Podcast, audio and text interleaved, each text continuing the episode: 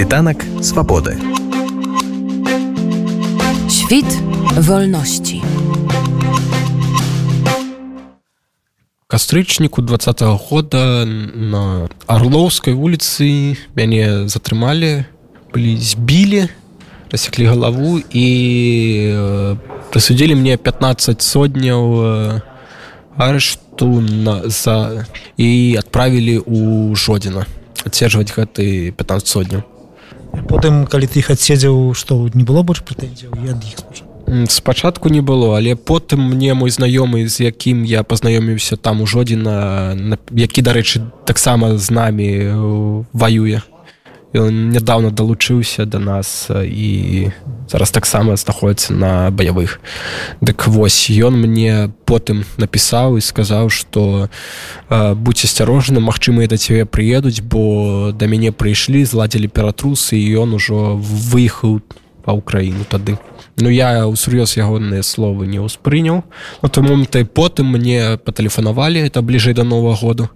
по тэлефоне і сказалі что так ты так то вам трэба пры, прыехаць у э, следчы камітэт э, бо вы з'яўляецеся э, сведкай у па крымінальнай справе.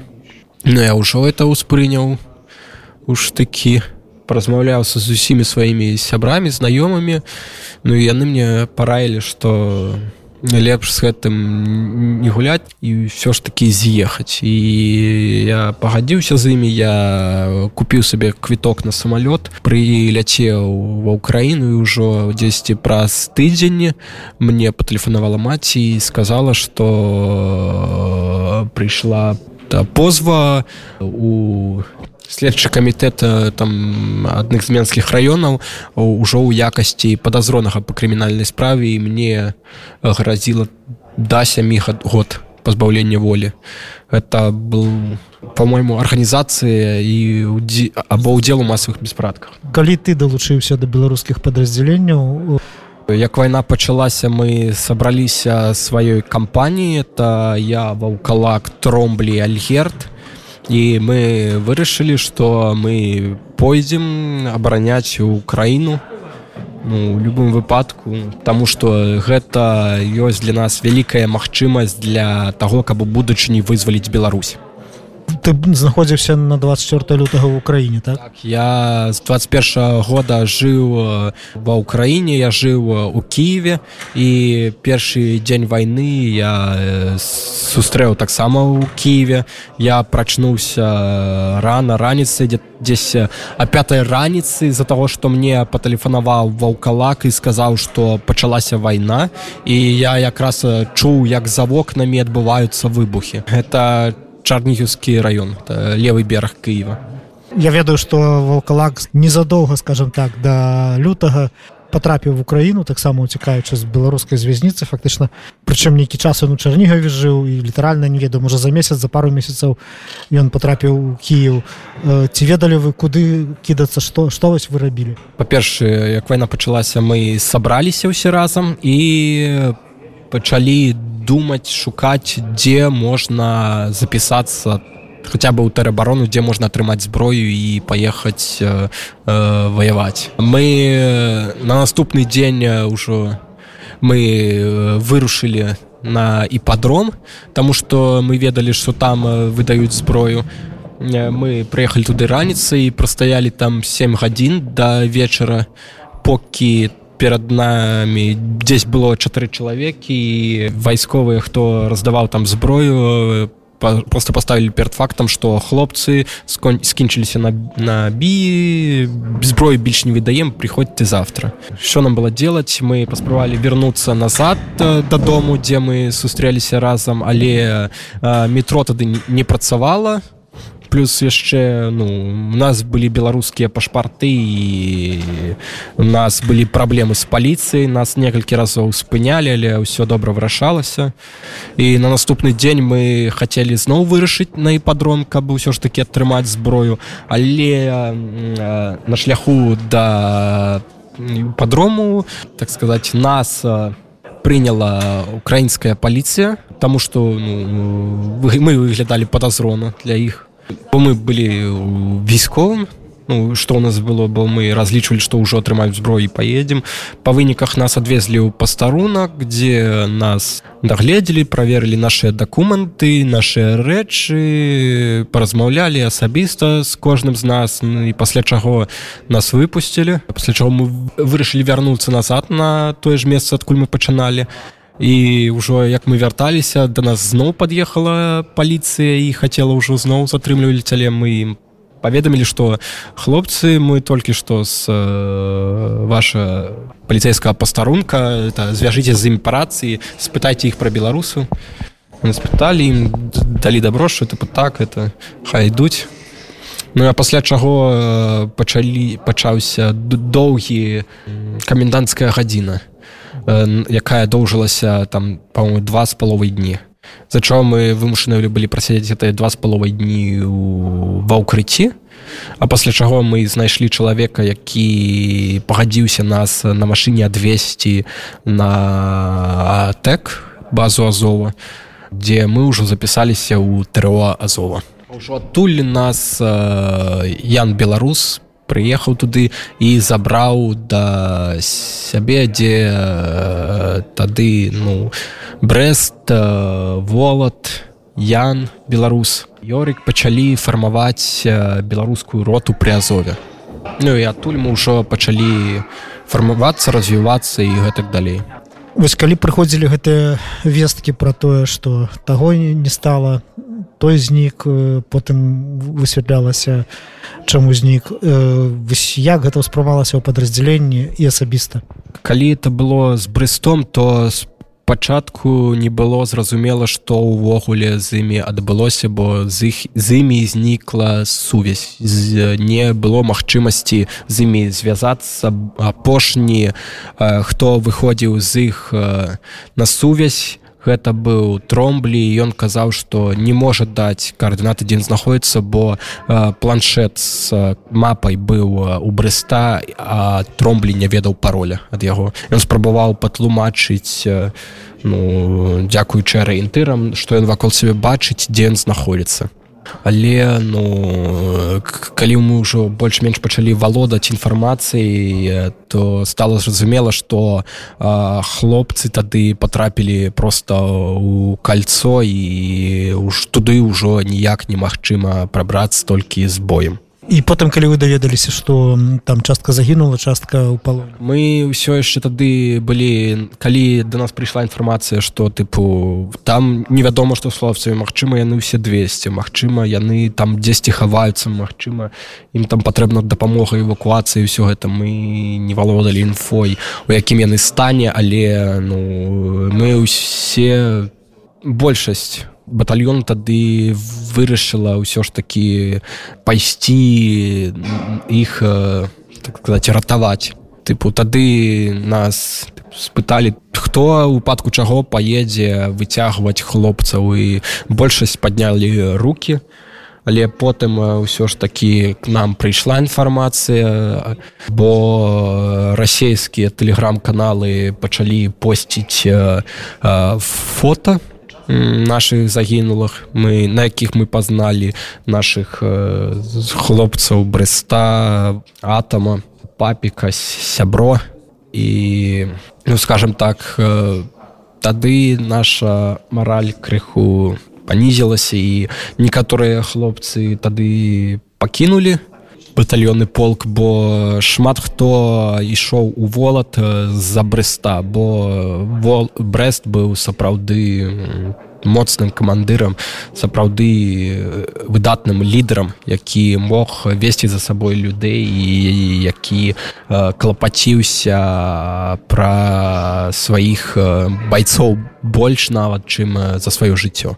Ну і потым ужо расійскія тэлеграм-каналы пачалі зрабілі пасты бралі так сказать інтэрв'ю у наших хлопцаў клішча і тромбалі дзе они стало зразумела што яны ў палоне і трэба іх іх неяк вызваляць але на жаль ну на жаль як бы мы не плакалі чтобы мы не казалі про наших загінулых і іх ўжо гэта не паверне А вось с нашими палоннымі.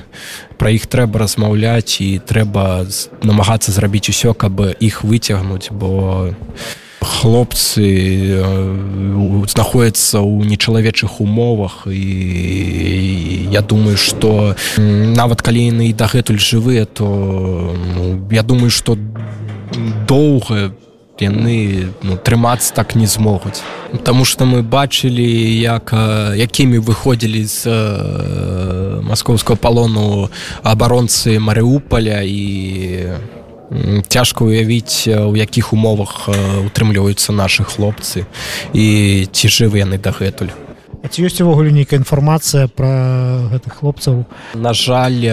расейцы не даюць ніякай інфармацыі по нашим хлопцам яны іх не дадаюць у спісы на абмены і у прынцыпе нічога не кажуць пра іхны стан. То бок мы на дадзены момант можемм толькі гадаць і спрабаваць хаця бы выцягнуць з іх якую-нибудь інфармацыю калі яны загінулі хаця бы забраць іхныя целы А вось хлопцы якія былі там таксама ў палоне узгадаў здаецца ты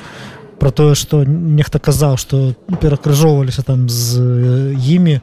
так так. Азоўцы якія таксама былі ў палоне і бачылі наших беларускіх хлопцаў яны рассказывалі что да іх там асабістыя стаўлення іх з іх там здзекуюцца іх там катуюць